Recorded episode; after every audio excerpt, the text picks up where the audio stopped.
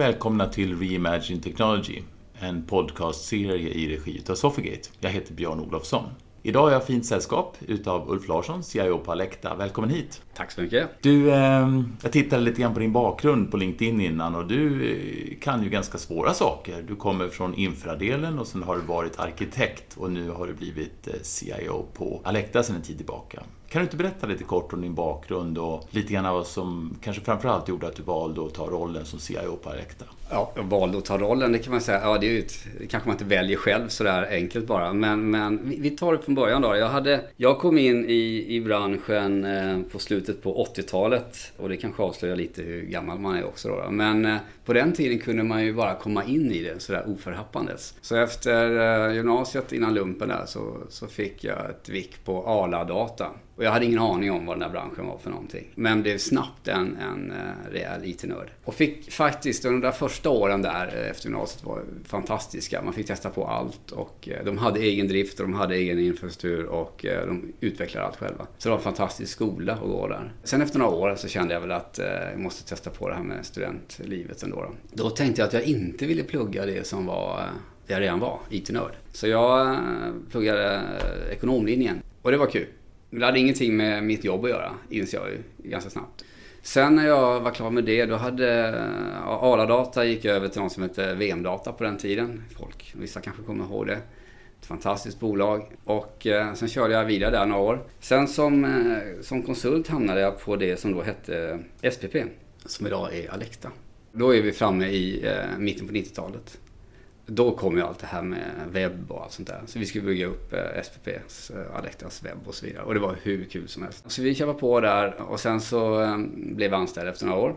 Och det jag märkte där var att de har en fantastisk kultur på Alecta. Som gör att du behöver inte byta bolag för att byta uppdrag. Och det har jag nog behållit hela tiden. Jag är fortfarande uppdragsdriven. Det finns en konsult där inne som, som jobbar efter ett uppdrag. När jag märkte det, att man fick testa på massa olika saker, massa olika roller.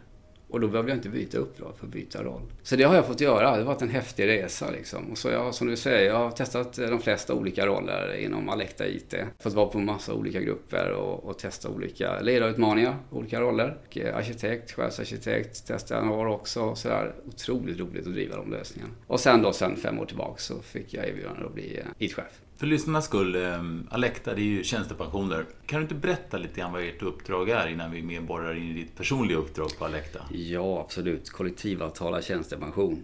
Vad betyder det? Ja, världens viktigaste grej kan jag säga. Men det är kanske inte alla, alla förstår det inte.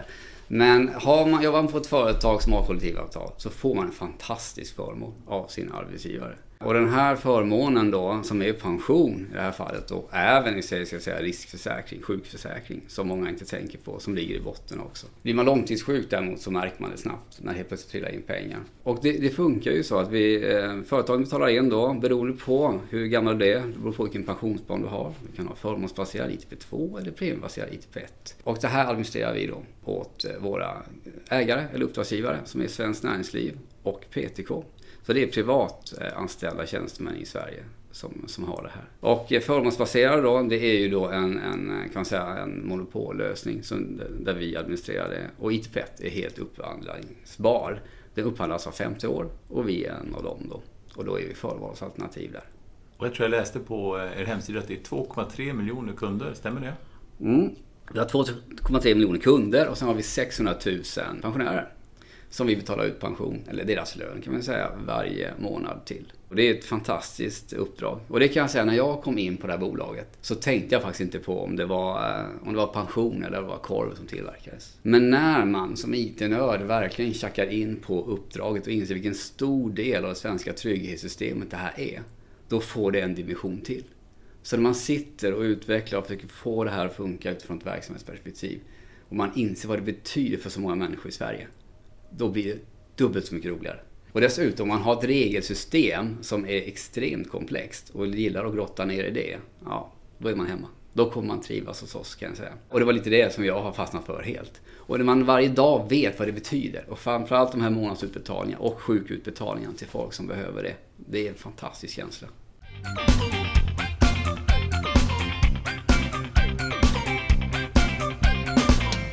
Vi ska prata lite grann mer om vilka lösningar ni har och plattformar ni har valt och, och sådär. Men i uppsnacket mm. berättar att det finns ju såklart den här tjänstepensionsbiten så finns det en eh, kapitalförvaltningsbit och så tror jag du nämnde någonting om fastigheter också?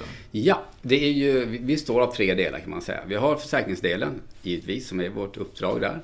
Men vi har, vi har ju minst lika viktigt uppdrag och det är kapitalförvaltning. Vi tar ju in alla premier och de ska förvaltas. Alltså vi står på två ben. Vi ska vara den mest kostnadseffektiva delen där. Det man kan påverka själv som tjänsteman, det är att välja den, den mest kostnadseffektiva lösningen.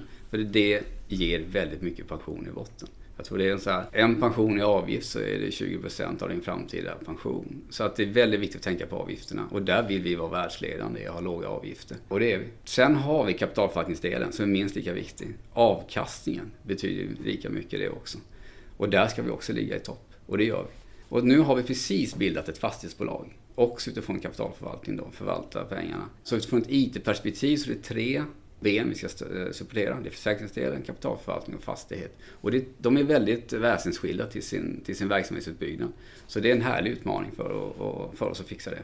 Du, du, måste ju dela för lyssnarna här hur, eh, hur ni har gjort plattformsvalen på eh, kanske framförallt tjänstepensiondelen. För att när du berättade det här kände jag att till och med min kompetens känns ultramodern. ja, så kan man säga det. Vi, vi, eh, vi har ju haft en resa eh, när vi har... Eh, ja, Alecta har haft en liten resa och man kan väl backa tillbaka till 90-talet. Då byggde vi upp ett livbolag med privata pensionsförsäkringar också. Och då tog vi in standardsystem för att bygga det, för att bygga in de produkterna. Det. Det gick vi sådär. Men slutet på 90-talet så tog man ändå beslutet att sälja av hela livdelen. Och då sålde man livdelen till Handelsbanken. Och då sålde man även med eh, namnet SPP förresten, det är därför vi heter Alexa då. Men det man också tog med, det var ju alla system som vi hade investerat i under 90-talet för att bygga upp försäkringsprodukter. Så då stod vi där i början på 2000-talet med vår kärnaffär, kollektivavtal och tjänstepension. Vi hade system från 70-talet, 80-talet, som kanske man idag skulle betrakta som, som du är inne på, legacy-system. Det var kodat i PL1 och så vidare och DL1 databas, fantastiska system i sig, men kanske inte inte så effektiva och enkla att ändra i. Så där insåg vi att det här kommer inte att hålla. Och att automatiseringsgraden var inte speciellt hög.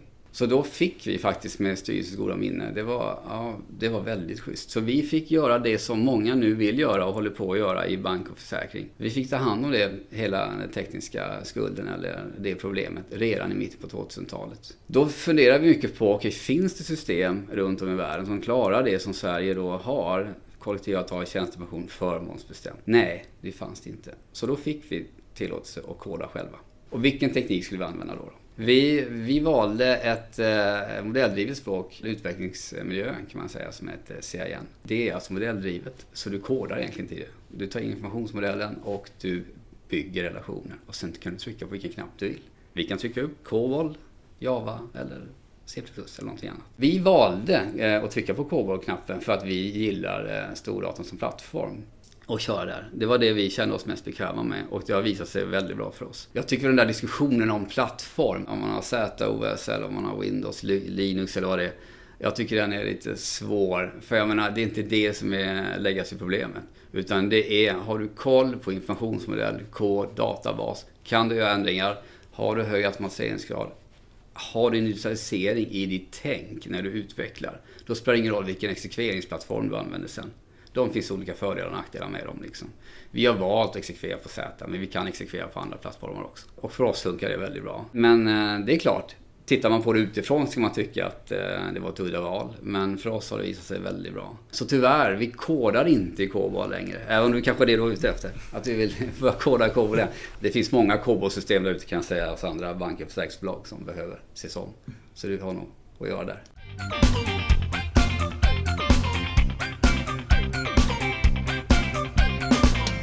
Du, eh, jag tänker på, när jag pratar med CIO så, så det finns ett antal strategiska överväganden. En som vi kanske har tangerat nu, det är ju buy versus build. Det är klart att hittar man ingen standardplattform som löser de förmågor man behöver skapa, då är ju det såklart lättare att bygga än att köpa något som inte funkar. Jag tänker också cloud first versus on-prem. Hur, hur, tänker du där? Ja, absolut. Vi kan säga då att när vi, vi, så fort det finns ett standardsystem så tar vi det.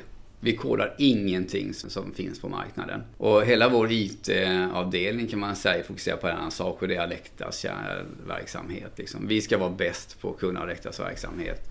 Och det är det som är unikt för Alecta. Det är det vi ska vara bra på. Allt annat som går att köpa över disk, det köper vi. Vi har outsourcat all drift, infrastruktur, ingenting. Utan det är bara Alectas kärnverksamhet vi fokuserar på. Vi ska vara bäst på att utveckla för försäkringssystemet Alecta behöver och ge kapitalförvaltning det stödet de behöver. Men ta kapitalförvaltning till exempel, så där har vi standardsystem. Och sen ut, får vi utveckla lite runt det för att tillgodose de, krav, de eh, önskemålen som, som finns då. Men annars är det standardsystem som gäller. När det gäller cloud, absolut. Vi kanske kommer in på lite det sen när vi pratar lite vad vi har, vad vi har på gång just nu och så vidare. Men det, för oss är det ett, eh, en given väg att gå. Men kanske inte först och främst med försäkringssystemet då.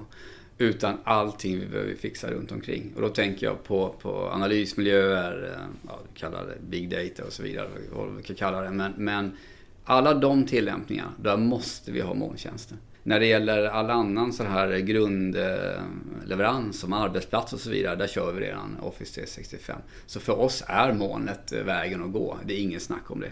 Du, ehm, om man tittar lite grann på ehm, din agenda framåt. Jag tänker i veckan var det lite nyheter runt att en av de stora bankerna i Sverige väljer att stänga ner en an, mm. ansenlig andel av kontoren med tanke på att kundernas krav på bemötande är mer och mer digitalt. Vad är din spaning där? Nej men absolut, eh, så är det. Vi har ju inte någon eh, kontorsverksamhet på det sättet. Och för oss är det digitalt. Och det var faktiskt också ett tidigt val för Alecta, att vi jobbar med digitala lösningar. Så när vi pratar om eh, utmaningen för oss så är det, dels har vi den interna effektiviseringen. Den är alltid viktigt och den måste man alltid ta hand om. Men att delta i det externa ekosystemet, det är jätteviktigt för oss. Alltså där kunderna är och där kunderna vill ha sin information om tjänstepension, där ska vi vara. Och det är inte på kontorslösningar. Utan det är någon annanstans. Och vi inser att vi kanske aldrig kommer vara första valet heller. När du ska söka på din pension, du pratar med en vän eller du googlar och så vidare. Det är inte säkert att du kommer till oss. Och hos oss, eh, vi kan inte ge helhetsbilden. Utan sådana initiativ som eh, Min pension, och det är ju fantastiska. Och de supporterar vi fullt ut och vi försöker göra så bra som möjligt. Sen så är, finns det ju, eh, det kommer säkert andra initiativ och appar som kommer vara liksom min eh, hushållsekonomi eller vad det nu kan vara. Som kommer vara, ta kundgränssnittet. Så vår strategi är att så fort de företeelserna dyker upp, då kommer vi vilja vara där och kunna leverera den bästa informationen om tjänsterna till de som äger kundgränssnittet. För det tror vi nog kanske inte att vi alltid kommer att äga. Men vi kommer göra vad vi vill, eh, vad vi kan för att se till att hela det externa ekosystemet funkar. Och att eh, vi finns där med den informationen som våra kunder behöver. Det är en fantastiskt spännande inriktning med ett kärnsystem egenbyggt, on-prem, och sen koppla på cloudplattformar för yes. andra delar. Och sen ha någon typ av insikt i att kundmötet är digitalt och att man kommer att vara den bästa leverantören utav information till de här olika kundgränssnittet, vilket det nu än är. Vilket det nu är och vad det än är och vilka det än är. Det bestämmer inte vi, men vi kommer hjälpa dem att bli bäst när det gäller tjänsteinformation och tjänster. Så är det. Om vi talar om eh, framtid och framgång. Eh, hur ser agendan ut för eh, 2021 och kanske snegla in i 2022? Vad ligger högst upp på din agenda?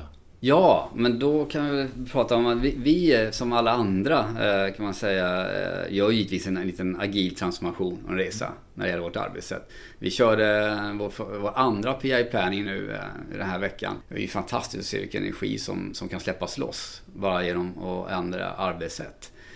Sen är ju det en otroligt häftig resa att se och göra. Så den gör man inte bara på ett halvår utan det är en kulturell resa som vi kommer jobba mycket med. Men det är spännande. Det jobbar vi mycket med. Att eh, få loss eh, kraften i, i eh, våra team. Då, då. Men sen är, kanske jag måste tillbaks till det här vi pratar om, det här med cloud och så vidare. Att vi har mycket lösningar som vi måste få på plats. Inte minst när det gäller eh, analysdelar regelverket som kommer nu kräver mycket av oss. Alltså det är mycket scenariobeskrivningar, mycket scenariokörningar som ska göras hela tiden, som ska in till Finansinspektionen och så vidare. Det kan idag ta dagar, vecka för oss att göra. Nu bygger vi lösningar för att kunna räkna i molnet och göra stora beräkningar där.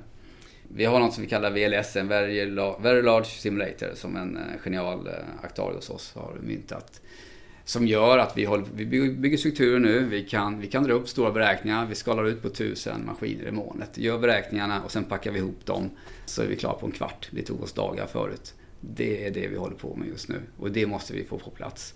Det är lite annorlunda sätt för oss att jobba på. Det, det är nytt. Vi som säger, vi är vana Vi jobbar lite mer om premlösningar. Men nu måste vi ut och anamma de molntjänsterna som finns. Så eh, vi kör stenhårt eh, med det. Eh, och det kommer vara vägen framåt. Men nu när man säger det så måste man ta beaktande också att, eh, ja jag sa ju förut att jag läste ekonomlinjen eh, på 90-talet. Hade jag valt om hade jag nog valt juristlinjen tror jag. För som, som IT-chef nu känns det som man är mer jurist snart än att man är IT-nörd. För de regelverkens eh, djungel är snårig att vandra i, inte minst när det gäller molntjänster. Mm. Så här är det svårt att veta hur man ska gå framåt. Men vi, vi tar oss ändå framåt. Mm. Det är ju något, något eh, case nu med det här Schrems 2 eh, ja. med måltjänster ja, som visst, amerikanska ja. myndigheter och, och gud vet vad. Eh, så att du har rätt, det blir mycket juridik helt plötsligt. Ja, det blir det. Och, och det är egentligen inte bara måltjänster heller. Ta bank och försäkringsbranschen har ju översköljts de sista åren med eh, ökade regelkrav. Och det ställer jättemycket krav utifrån ett IT-perspektiv att kunna leverera på det och ändå behålla en intern effektivisering liksom, som, som måste vara där. Vi satsar ju, alltså automatisering till exempel, för oss är inte det ett enskilt initiativ, det är någonting som alltid ligger där. Stordriftsfördelar och bygga automatisering. Det är det vi håller på med hela tiden. Och då med regelverk som kommer. Det, det, det ena och det andra ska, ska in och det ska vara kontroller på. Det är klart att det ställer krav på oss. Det gör det.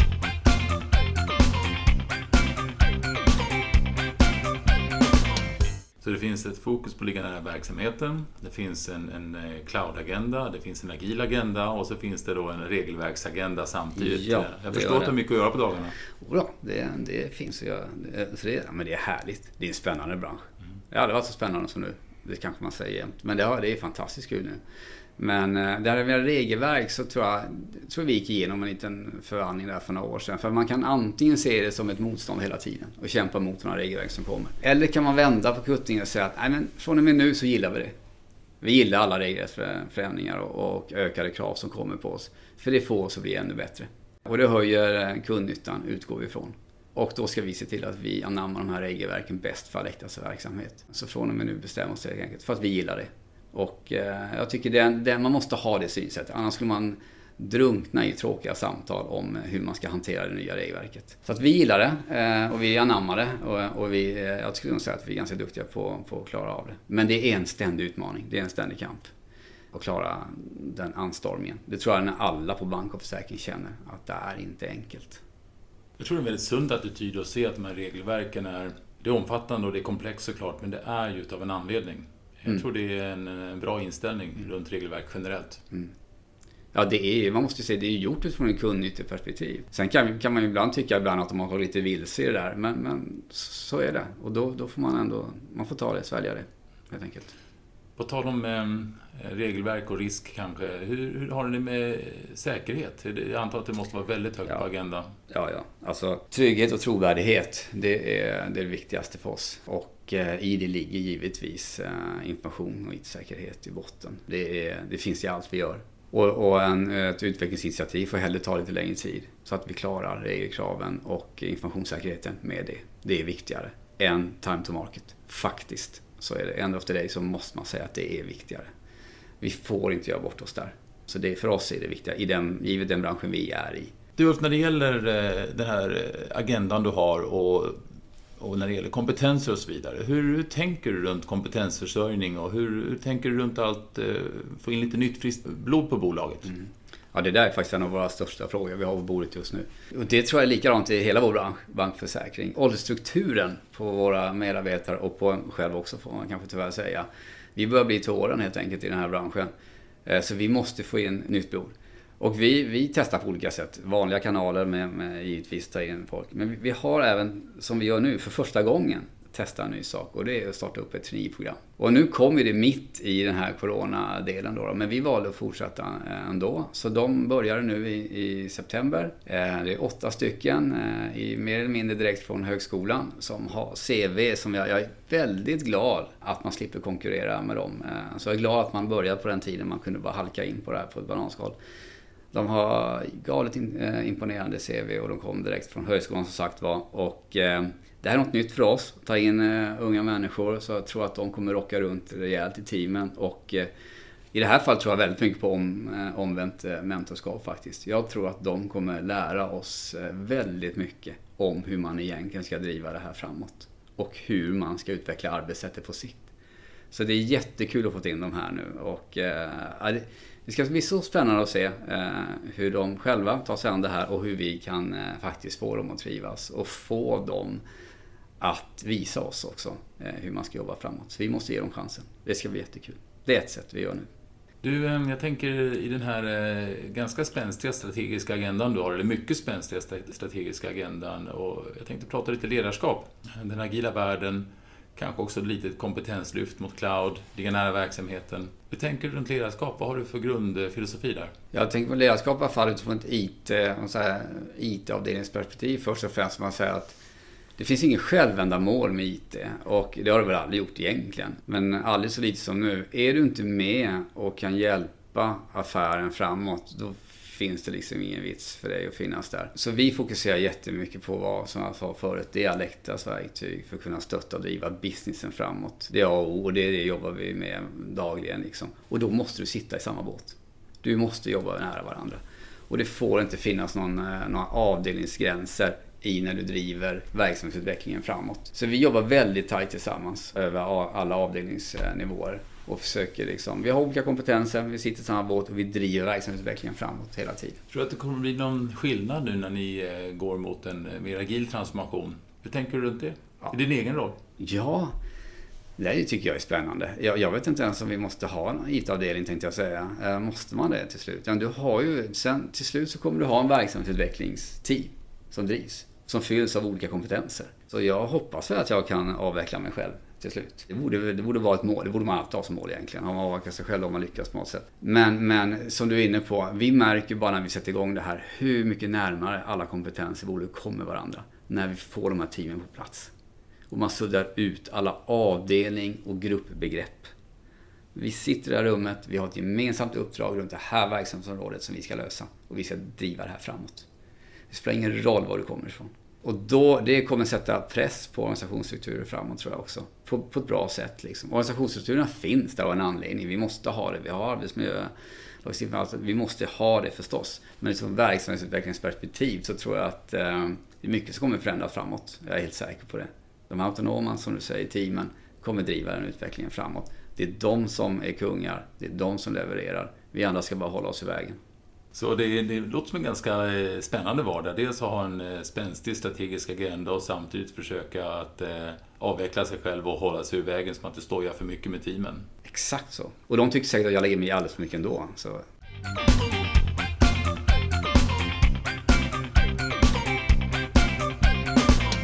Du, jag tänker för de som funderar på att bli CIO eller som kanske precis har blivit CIO. Vad har du för råd? Samma råd som jag skulle ge till alla som ska in i, som tänker sig IT-branschen. Att verkligen förstå verksamheten som man levererar i. Och tjacka in på den. Gör man det, då kommer jobbet. Då kommer man leverera. Man kommer bli så mycket bättre som IT-nörd om man gör det. Så förstå affären, köp in på den och gilla vad, det, vad, vad du levererar. Då kommer du automatiskt att bli en bra IT-nörd. Sen finns det massa saker i det utifrån teknikperspektivet och vad man ska ge sig in i. Jag tycker man, man jag tror aldrig man har haft så stor nytta av att vara så bred som man behöver idag faktiskt. Det är många olika saker som jag klarar av. Utifrån ett ledarperspektiv som jag sa, jag skulle helst vilja läst både ekonomlinjen, juridiklinjen och, och systemutveckling och så vidare. Allting. För det är väldigt komplex eh, verklighet som vi rör oss i idag. Så där behöver man eh, tänka på, om man vill gå ledarvägen, så tror jag man ska tänka på att man behöver ha en ganska, och gilla frågor som är ganska breda. Man får inte backa för att det råkar vara juridik eller regler, verk eller så vidare. Eller ekonomiska frågor. Man måste gilla det. Man måste gilla bredden i uppdraget och det tror jag är bra. Sen tror jag att det är faktiskt lite framgångsfaktor för att gilla IT-branschen framåt överhuvudtaget. Man måste gilla bredden i frågorna, för du kommer inte undan dem. Du, vi pratade lite grann om IT-nörd och eh, jag är också IT-nörd i grunden. Känner du att man behöver ha en, eh, på någon nivå i alla fall, en djup IT-förståelse för att kunna vara rätt spelare runt bordet? Både mot verksamheten men kanske också mot teamet? Jag, jag, vill, ju tro, jag vill ju tro det. Eh, men, men ja, man känner ju duktiga IT-chefer som inte har den här bakgrunden alls. Liksom, som driver det på ett annat sätt. Då handlar det ju om att Fast det kan jag tycka, oavsett bakgrund du har som eh, IT-chef så ditt främsta mål är att omge dig med superduktiga eh, medarbetare som är mycket vassare än vad du själv är. Det är ju mitt mål hela tiden. Det, det, måste vara ett mål som ledare. Att omge sig med, med folk som är mycket bättre skillade än vad du själv är. På olika områden. Och eh, jag tror att eh, det är en framgångsfaktor i den här rollen. Sen så, jag tycker ju att det finns en fördel givetvis att komma utifrån ett IT-perspektiv. Och ha, eh, sen kanske inte behöver vara om du är utvecklare om du är tekniknörd eller vad du är. Liksom, men du har en förståelse för det som ändå, som, som ändå levereras. Jag tycker att det är en väldig fördel. För du kan prata med alla på deras olika språk. Och det är en fördel. Oavsett om du pratar verksamhetsutveckling, ekonomi, juridik eller om du pratar då rent IT-mässigt. För du kommer inte ifrån att du måste ha väldigt, väldigt duktiga, skillade IT-människor som är skillade på väldigt djup nivå. Och då är det bra att kunna prata på det språket. Kloka ord. Så man behöver vara lite systemvetare och IT-nörd. Man behöver nog vara lite ekonom också, för det är lite pengar i det här. Och så behöver man vara lite juridiskt intresserad. Då kanske man överlever. Då är det en bra kombo, tror jag, för framtiden. Ulf, tusen tack för att du kom hit till eh, vår podcast. Det har varit otroligt intressant att höra lite mer om din bakgrund, din agenda och Alekta såklart. Bra. Tack så mycket. Det här är en podcastserie i regi av Sofigate som heter Reimagine Technology. Jag heter Björn Olofsson. Tack så mycket.